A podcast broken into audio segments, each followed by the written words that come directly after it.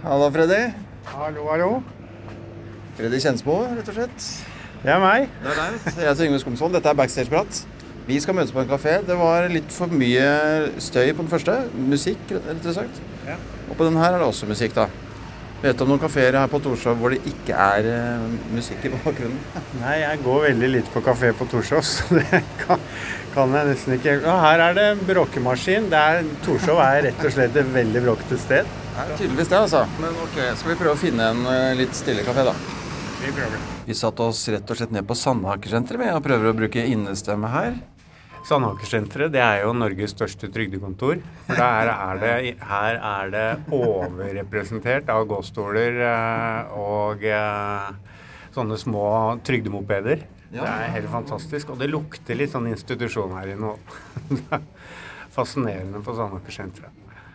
Freddy, du var jo en av pionerene i norsk standup, og det kan vi godt komme tilbake til. Men du forsvant på et eller annet tidspunkt fra standup-miljøet, slutta å gjøre offentlige opptredener. Begynte bare å gjøre firmajobber. Hva var grunnen til at du gjorde det? Eh, Det var egentlig eh, Jeg hadde jo alle de samme ambisjonene som alle andre eh, om at jeg skulle reise rundt som Dagfinn Lyngbø og, og Thomas og alle de andre og fylle teater, og jeg skulle bli den neste store, som, som alle drømte eller drømmer om. Eh, Men så var det en lang vei. eh, Og jeg, eh, jeg følte at jeg ikke fikk nok jobber, og jeg skyldte på bookingmennesker osv.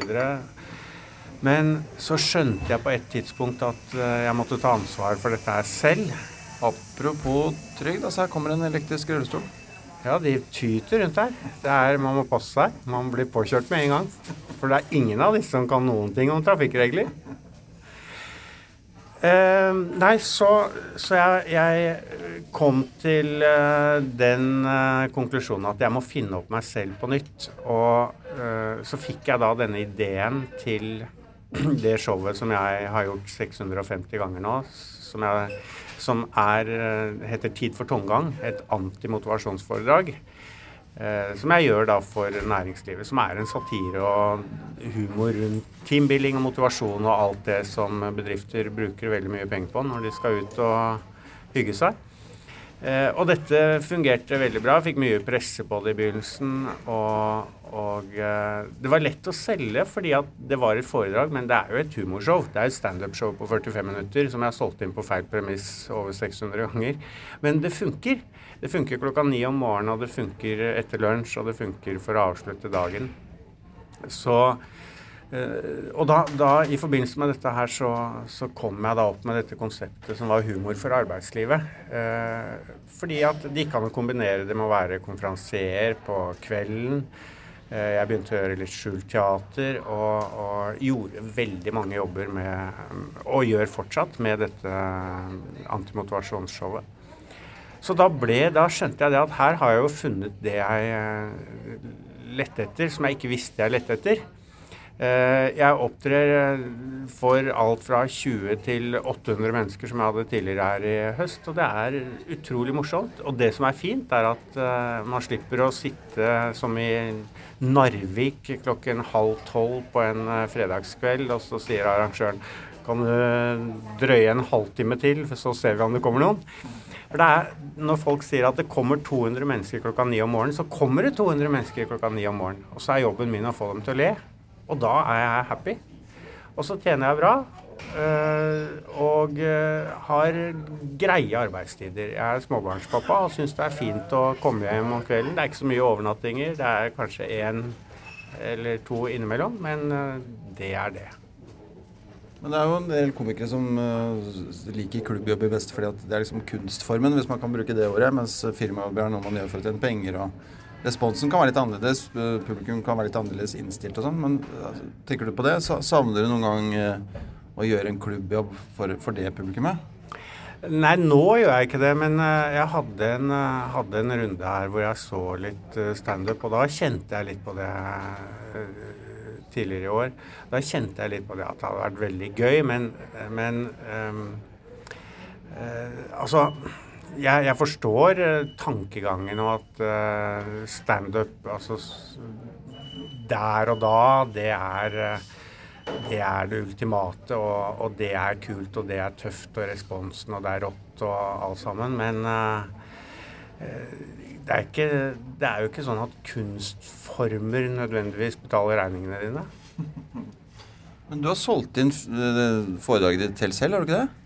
Jeg driver Tullekontoret AS, som er mitt firma som har bookingen, og hvor jeg også har et lite forlag hvor jeg gir ut noen av bøkene mine. Så gir jeg ut eh, en del på vanlig forlag. Eh. Så jeg booker også via Standup Norge og Athenas og seminarpartnere og de, de, store byråene, men uh, veldig mye booker jeg direkte og på anbefalinger fra tidligere kunder. Hvordan eh, har det vært å bygge opp seg selv på den måten? du sendte jo masse brev eller mail med reklame og, eller informasjon om foredraget. da. Hvordan har du gått fram der? Eh, ja, nå er jo alt digitalt, men når jeg begynte da i 2004, så hadde jeg jo sånne utsendelseskampanjer hvor jeg sendte ut 2500 eh, tilbud til eh, små og store bedrifter osv. Eh, sendte ut CD-er det er jo så gammeldags. Men eh, da gjorde jeg det. Sendte CD-er med klipp.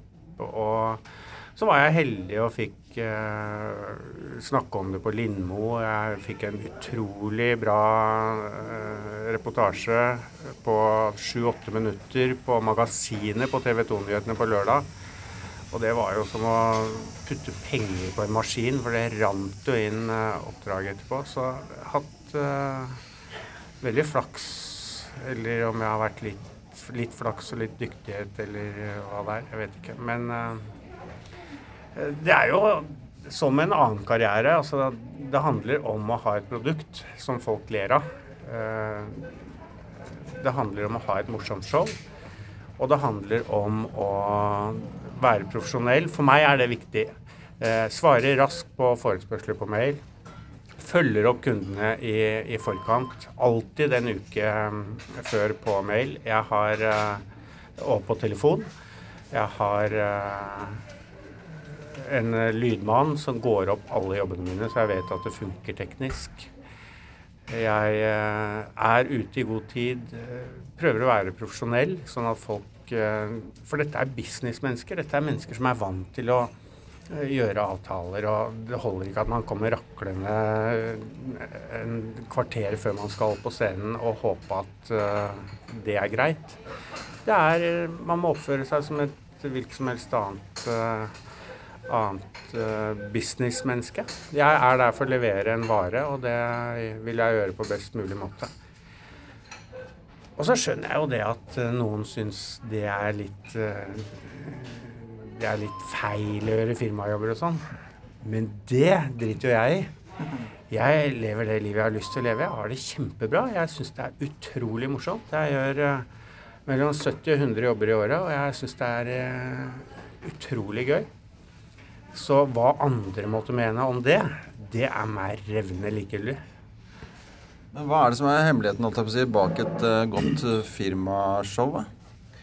Ja, Det som var hemmeligheten her, det er jo som, som humor eh, ellers. Hva er hemmeligheten bak en god standup-tekst? Det er referanser.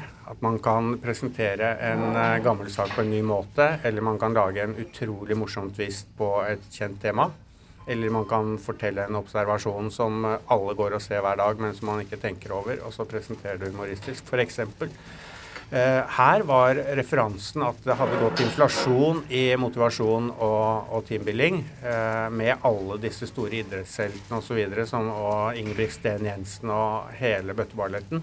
Og når jeg da kom og snudde dette på hodet og fillerista hele eh, opplegget og, og, og, mente at det er de motiverte menneskene som skaper alle problemene i samfunnet, og henviste da til økonomisk kriminelle og visningsforbrytere og sånn, mens de som ligger på sofaen og spiller PlayStation og spiser ostepop, de bidrar ikke med så mye, men det er ikke så veldig mange problemer med dem heller.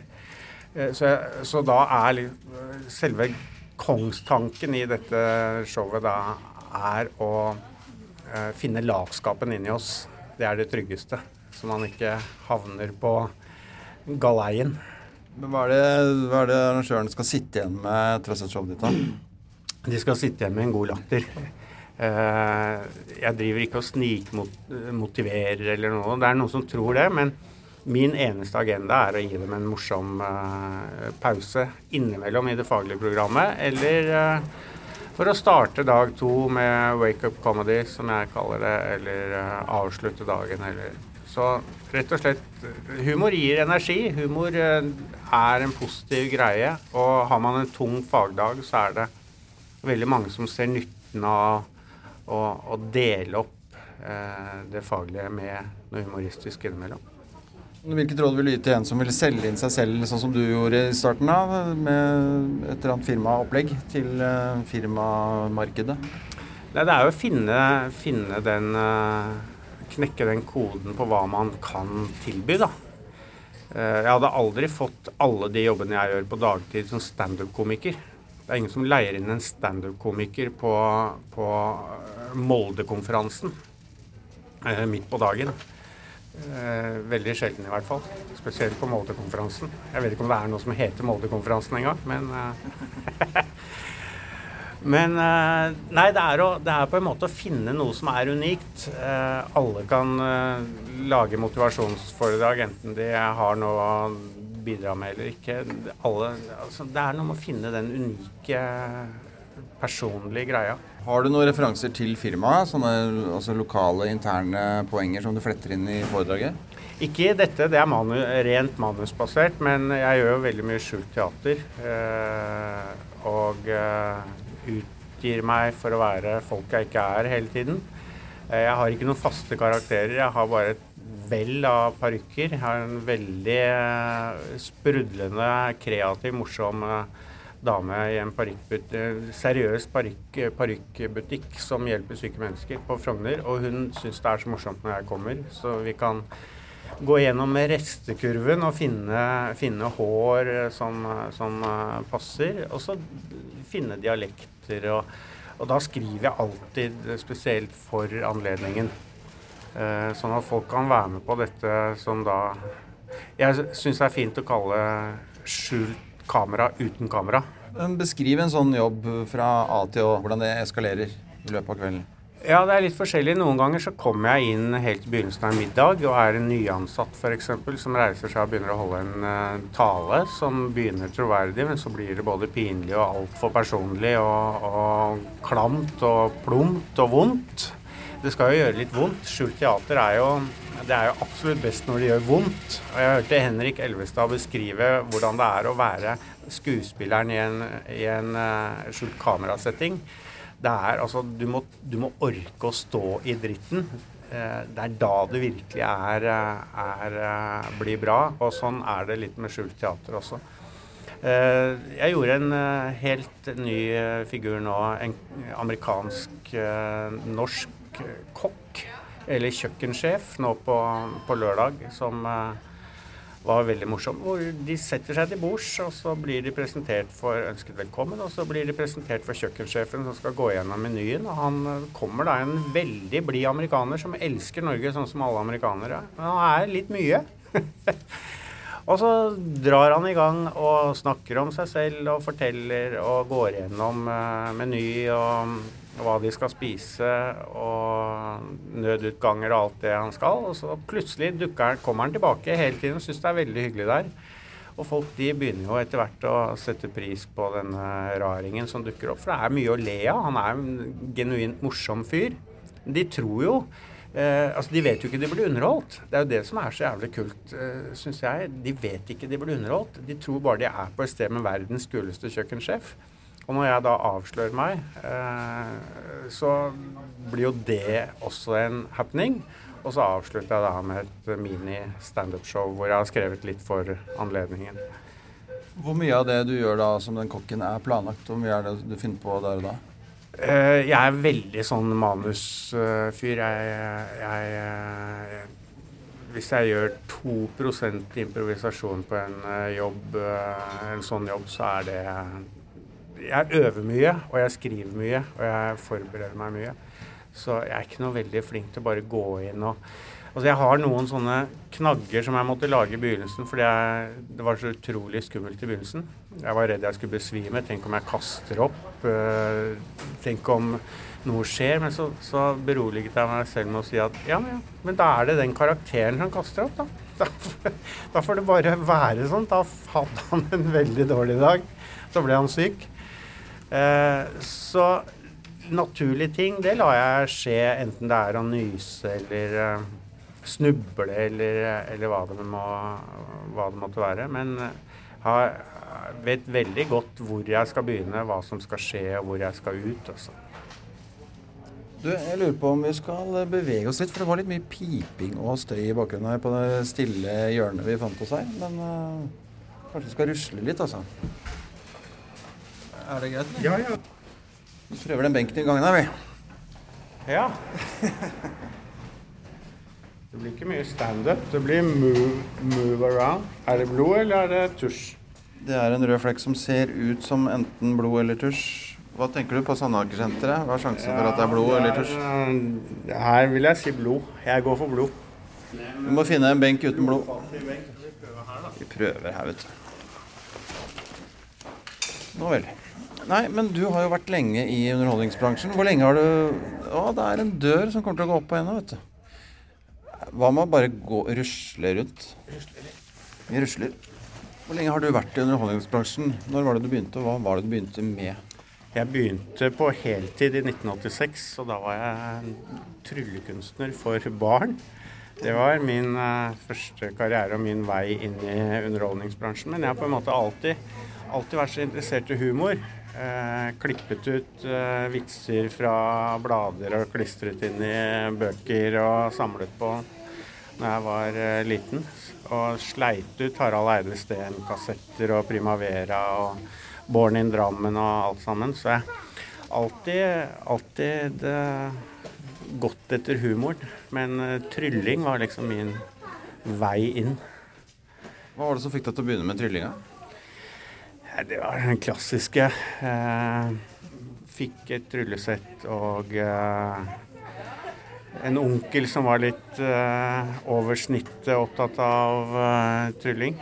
Og så ble det på en måte eh, et vis å få eh, oppmerksomhet på. Få til noe. Eh, prestere noe, noe som ingen andre gjorde. Det er klassiske nevrotiske barnet som trenger oppmerksomhet. Som skapt for å jobbe i underholdningsbransjen. Og Åssen var veien derfra til standup? Uh, ja, det er litt sånn diffust, men jeg begynte på revyskolen i 1991. Og da kom Revyskolen, hva var det for noe igjen? Det var en folkehøyskole på Skarnes i Sør-Odal som, uh, som eh, da skulle utdanne revymennesker. Eh, og der Selve skoleplanen var en revy i seg selv, men jeg fikk møte mange kreative mennesker og fikk testa det her med å skrive tekster og prøve dem på sånne morgensamlinger og sånn. Så da Det var liksom det sparket i rumpa jeg trengte å gi meg selv for å, for å gå videre fra trylling til det jeg alltid hadde drømt om humor.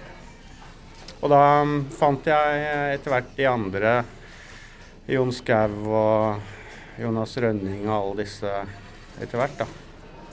Eh, de som var i begynnelsen, Jonny Kristiansen og hele bøtteballetten. Hva tenker du om å gå ut, da? Er det litt, litt kjølig, eller går det greit? Vi tåler det. Vi er jo nordmenn. Ja, hvor, hvor, var det du hooka opp med den gjengen der, da? Eh, jeg møtte vel dem første gang på Kafé Nordrock, tror jeg. Eh, da hadde jeg gjort standup et par år, jeg, eh, og holdt på sammen med en annen fyr og gjort et sånn eh, show med en fyr som gjorde litt sånn musikalsk humor, så vi gjorde litt firmajobber og sånn. Og da, apropos tabber, jeg husker den første standup-jobben jeg gjorde for Bryn patentkontor. Booket inn på julebordet. Ingen visste hva standup var. Ingen som hadde hørt om standup. Og jeg gjorde standup-tekster. Jeg kom inn, jeg holdt på et kvarter. Og de lo av åpningsvitsen min, som uh, var Jaha, Bryn patentkontor julebord, ja. Hva er det dere har spist, da? Patentsmørbrød? Og da lo de så de holdt på å dette av stolen. Og så lo de ingenting av det neste kvarteret. Og etterpå så kom det en litt dårlig tryllekunstner etter meg, og han lo de av. Uh, og jeg var Altså, jeg hadde lagt igjen en bok og noen greier inne på scenen uh, når jeg sa takk for meg, og jeg var så flau at jeg turte ikke gå inn og hente det, så det måtte tryllekunstneren gjøre for meg. så det var min, min første firmajobb. Hvordan var standup-jobbene på den tiden her? På Nordrock f.eks. Hvordan var en vanlig standup-kveld der?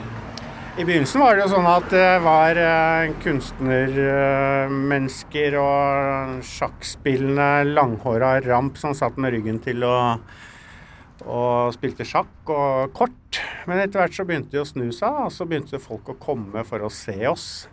Så det var jo, var jo på en måte altså Nordrock var jo en sånn kunstnerkafé. Så kom vi og trengte oss inn. Og så fikk vi etter hvert lov til å bli, og det kom mye folk, og det var ofte fullt. Og, men eh, det var jo ikke så veldig lenge vi var der før Christian Kvart dukket opp, da. Og Da var du en av de som ble plukka opp og ble satsa på ganske tidlig, var det ikke det? Ja, det Jeg var jo med i den gjengen, så om noen hadde gitt meg jobb eller ikke, så hadde jeg vel ikke gitt meg likevel. Men eh, For jeg ville jo dette. Så men det var jo veldig godt å ha andre som ville det samme. Eh, og en scene hvor man kunne gjøre det man ville. Hvordan var den scenen sammenligna med kunstnerkafeen Nordrock? Nei, det var jo som også Det var jo som også opptre på Som å komme på Chat Noir. Eh, der var det folk som kom på tirsdager for å se standup. De satt ved bord, de hadde drikke, de spiste mat de gledet seg. Og det var ikke så veldig lenge etterpå vi lagde den første standup-serien for NRK. Så man kan, man kan, sikkert diskutere kvaliteten på den men det var det, i dag. Men eh, det var veldig viktig og veldig gøy og veldig stort den gangen. For da var vi, da var vi liksom i gang. Og på den tiden så var det noen sånne abonnementssteder rundt omkring i landet hvor eh, Eddie Eidsvåg eh, som eh, en slags manager sendte komikere rundt. Stedene abonnerte på komikere, så reiste man rundt. Det betydde at man kunne leve av å være komiker. Og da var, da var du en av de, var det ikke det? Ja, da hadde jeg sluttet å gjøre alle andre ting og bare konsentrert meg om å være komiker. Hvor mange jobber kunne du ha i måneden da? Nei, Det husker jeg ikke, men det var jo ganske Vi var sikkert ute i kanskje fem, seks, sju ganger i måneden. Eh, og eh, så var det jo Christian Kvart, da. Det var jo Vi var jo der hver eneste tirsdag. Vi hang eh, på smuget etterpå og hadde hoff der nede. Så vi var unge, ikke sant. Vi hadde Mange av oss var single. Eh, eller så fant vi oss kjærester som eh, var med på festen, for det var jo mye festing og det var mye gøy. Og vi fikk være pionerer. Og hvor ofte får man være pioner i et liv? Jeg husker Jeg tror det var da jeg hadde vært på kasino. Eh, så du var på TV-programmet Kasino? Ja, jeg, jeg var Ble du intervjua der, eller? Jeg var på TV-programmet Kasino, for jeg kom med en, eh, en, en, eh, liten bok med disse spørsmålene mine, som senere ble spurviser. Og dette fikk jeg da solgt inn til kasino uh, med Leif Erik Forberg. Og det er jo en historie i seg selv, uh, fordi uh, jeg skulle gjøre Det var direktesending. Jeg hadde aldri gjort TV før. Jeg var så nervøs at jeg holdt på å gjøre i buksa. Og det var ikke det verste, men jeg skulle gjøre, gå fra én humorsetting til en annen. Hvor jeg til og med skulle sminke av meg en blå nese uten at det var reklamepause eller noe annet break enn at kameraet skiftet fra meg og til programlederen. Og dette det var jo helt hasardiøst. Jeg, jeg skjønner ikke at jeg turte. Men den store hovedgjesten da, i den kasinosendingen, det var Christer Sjøgren fra Vikingerne. Og så satt jeg backstage med Christer Sjøgren, som satt bare og så ut i lufta og pusta. Han sa ingenting, og jeg satt der, og det var så pinlig, det var så vondt, og jeg var så nervøs. Og jeg følte nei, nei, nå må jeg si noe. Så jeg prøver da liksom å være litt sånn showbiz-wise, da. Og så sier jeg ja, det er mye venting i den bransjen her, sier jeg til Christer Sjøgren. Og prøver liksom å få i gang en samtale, hvorpå han bare repliserer tørt. Ja, men det får man ta. Akkurat. Nådde ikke fram der, nei. Fikk ikke noen respons på den, akkurat. Nei, det var, eh, det var vondt. Men du var jo litt hard på festingen på den tiden her, eh, var ikke det? Jeg eh, festa hardt både da og mye etter det. Før det og, og etter det, men frem til 1999. Men etter da har jeg ikke festa noe. På noen som helst vis. Så da hadde jeg fått nok. Leide hotellrom for å dra på nachspiel og greier, var ikke noe sånt da? Jo, Jon Skau og jeg gjorde det en gang. Vi eh, var slutt på smuget. Vi syntes halv fire på morgenen var litt tidlig, så vi leide uh, hotellrom og tømte minibaren og fortsatte festen. Det var mye sånn. Men uh, så blir man jo voksen etter hvert, og man uh, skjønner at dette er å brenne lys i begge ender. Og da, da måtte man gjøre noe. Og hva gjorde man da? Nei, da gjorde jeg det jeg trengte å gjøre for å kunne leve uten uh, rusmidler. Og det har jeg vel ikke uh, angret på. Det er kanskje, kanskje, det beste jeg har gjort i livet mitt. Er, er, er, det sånn at man må fylle livet med noe annet? Litt banalt spørsmål, kanskje. Men, uh, at du må fylle livet med noe annet som, som en erstatning for rusen? Det jeg, det jeg, trodde, var at nå er livet mitt over. Skal jeg ikke feste? Skal jeg ikke ha det gøy? Eh, men, eh, så jeg trodde nå kommer det til å bli lange uker og måneder og år frem til jeg legger på lokket. Men det var jo ikke sånn. Det var jo det, Sannheten er at jeg har jo så mye å, å bruke livet mitt på i dag at jeg får nesten ikke tid til å gjøre alt jeg har lyst til. Så det ble vel eh, det ble Altså, jeg, jeg, visste ikke så mye om hva jeg gikk til.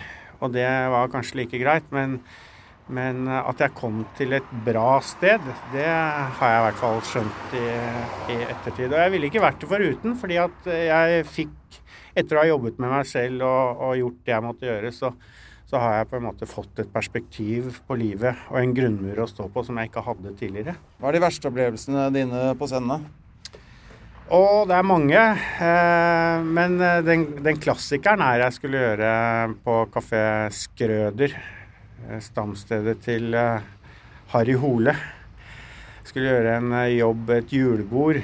Standup-show på et julebord for håndverkere. Jeg tror det var rørleggere. Og så var jeg der tidlig på ettermiddagen og skulle prøve lyd, da. For det gjorde man jo. Måtte ha lyd. Og så hadde de bare en det de kalte en mygg. Folk forveksler jo ofte mygg med bøylemikrofon. Men mygg brukes jo ofte i TV, men dette var en mygg. En liten mygg som satt på jak jakkeslaget. Og standup er jo litt å holde i en mikrofon. Jeg klarer ikke å gjøre standup med Jeg kan godt gjøre humorforedrag med en bøylemikrofon, men standup, da vil jeg holde i en mikrofon. Eh, så sa jeg det at jeg, jeg, må jo ha en håndholdt mikrofon. Jeg kan ikke ha en mygg. Jeg skal gjøre standup. Og så ja, men det fikser vi, sa de. Og da hadde jeg ikke, den gangen så hadde jeg ikke noen lydmann som sørget for at de fiksa det. Så når jeg kom tilbake senere på kvelden og skulle gjøre standup for godt høylytte eh, rørleggere, som var på solid oppadgående så sa jeg ja, jeg skulle ha en håndholdt mikrofon. Ja, den er her. Så da var det den samme lille myggen som var teipet til en sånn blank kjøkkenvisp som jeg da skulle stå og snakke inn i. Og jeg kjenner at jeg får vondt inni meg nå, når jeg snakker om det 20 år senere. Det, det er klassikeren. klassikeren. Det må ha vært mange jobber rundt omkring som var litt sånn, litt sånn halvveis, eh, skulle nesten tro. Det var jo Det var jo det, men man opplever altså Det handler veldig om Det handler veldig om øh, hvor mye tid man bruker på kundene. Det handler om sånne ting som rider. Altså, for meg så handler ikke en rider Man hører om, om, artister og folk som har så forferdelige ridere. For meg så handler en Jeg tror jeg har en flaske vann på rideren min, men det handler om de arrangementsmessige tingene. Hva er det jeg trenger å vite er 100% for at den jobben skal funke? Men selv da, ved å ha bankers ridere, så raser man ut på innimellom. Jeg gjorde en jobb det er ikke et år siden engang, for Nav på Sørlandet, hvor jeg skulle gjøre skjult teater først og være en fra, fra departementet i Oslo.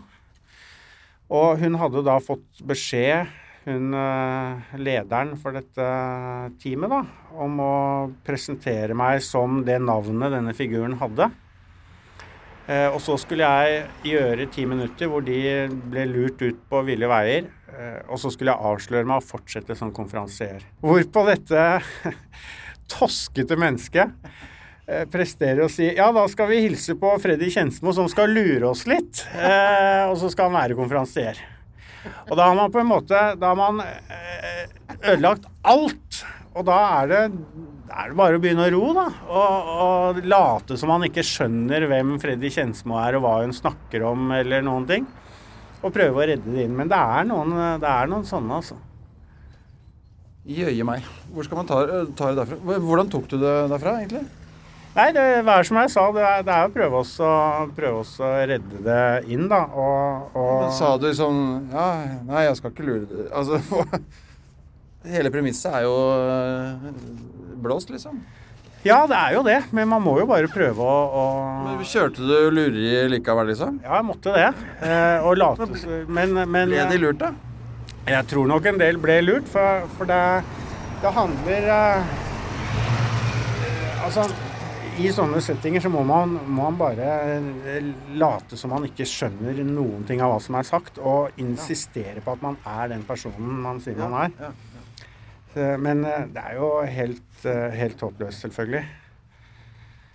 og så er det noen ganger hvor og det er sånne ting som jeg, i hvert fall Jeg kjenner heller ingen kolleger eller andre som har kunnet forklare det. Men noen ganger så kan man gjøre alt eh, av forberedelser helt riktig.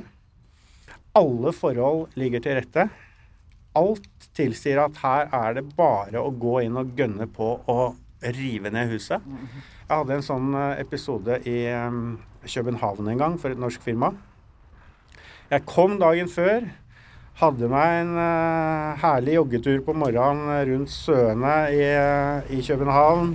Spiste lunsj, gikk på lydprøve. Perfekt lokale. 100 mennesker skulle sitte på rekke og rad. De visste at det kom et uh, humorinnslag. lyden funka bra. Blir presentert, kommer inn. Og dette er sju-åtte år siden, og de sitter sikkert fortsatt og lurer på hvem han idioten som sto og snakka foran dem var, og hva han holdt på med. For det, det funka ikke. Alt tilsa at det skulle funke, men det funka ikke. Og det er, syns jeg Det syns jeg Altså, jeg syns det er så vondt.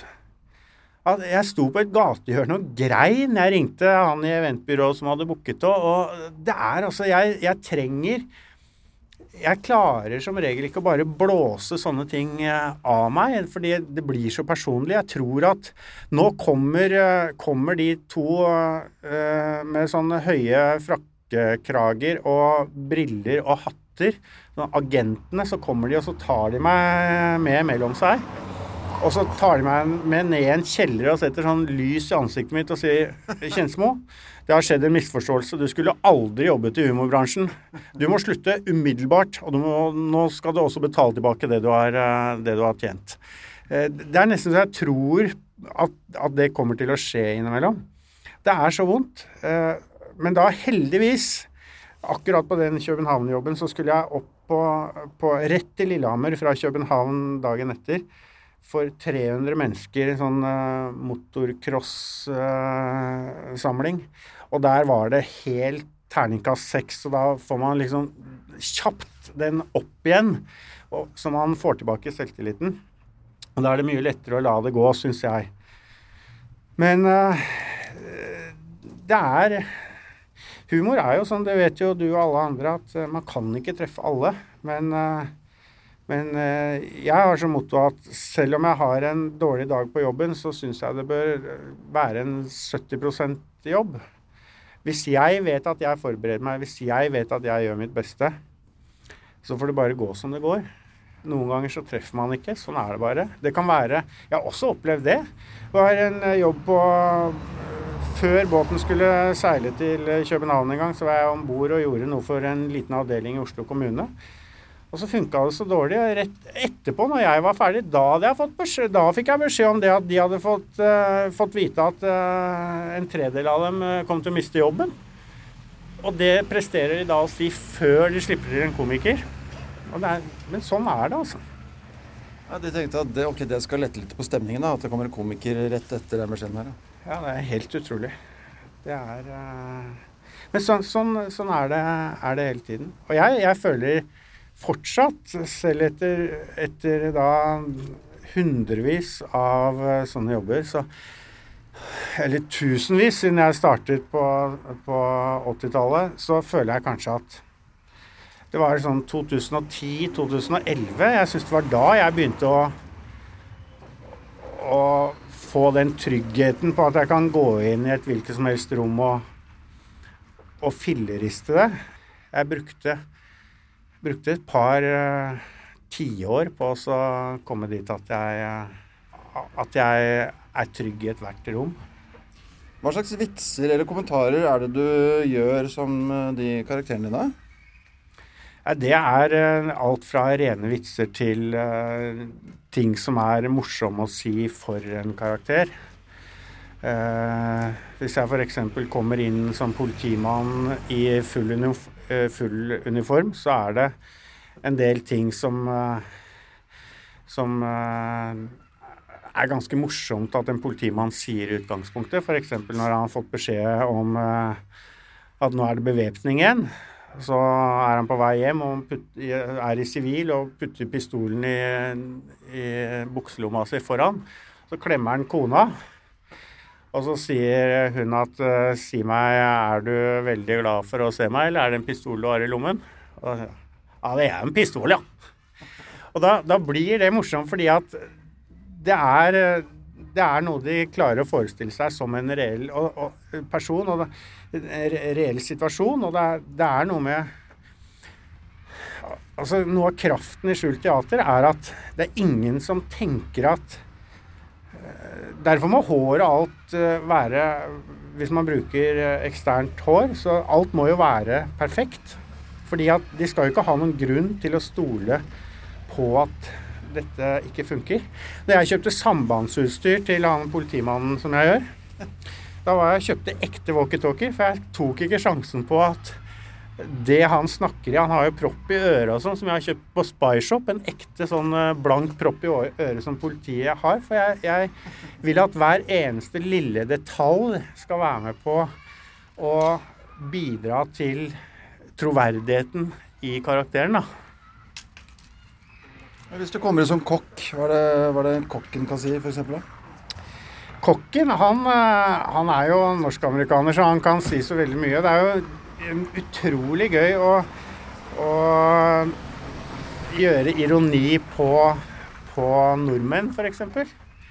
Eh, ta de stereotype oppfatningene om nordmenn som jeg for, for øvrig ga ut en uh, liten humorbok om tidligere i høst. Men, men uh, ta de, ta de uh, stereotype oppfatningene som er om oss eh, nordmenn, og så presentere den da sett med en amerikaners eh, øyne, det syns jeg er, eh, er, veldig morsomt. For eksempel at han er Det er nordmenn elsker pølselompe! Og det er sånn det er, det er, så utrolig enkelt, men, men det funker. Ja, du har gitt ut flere bøker. Du har gitt ut uh, De spurrevisene var vi inne på, som one-linere i spørsmålsform, og bok om New York. Én eller to har det blitt, kanskje?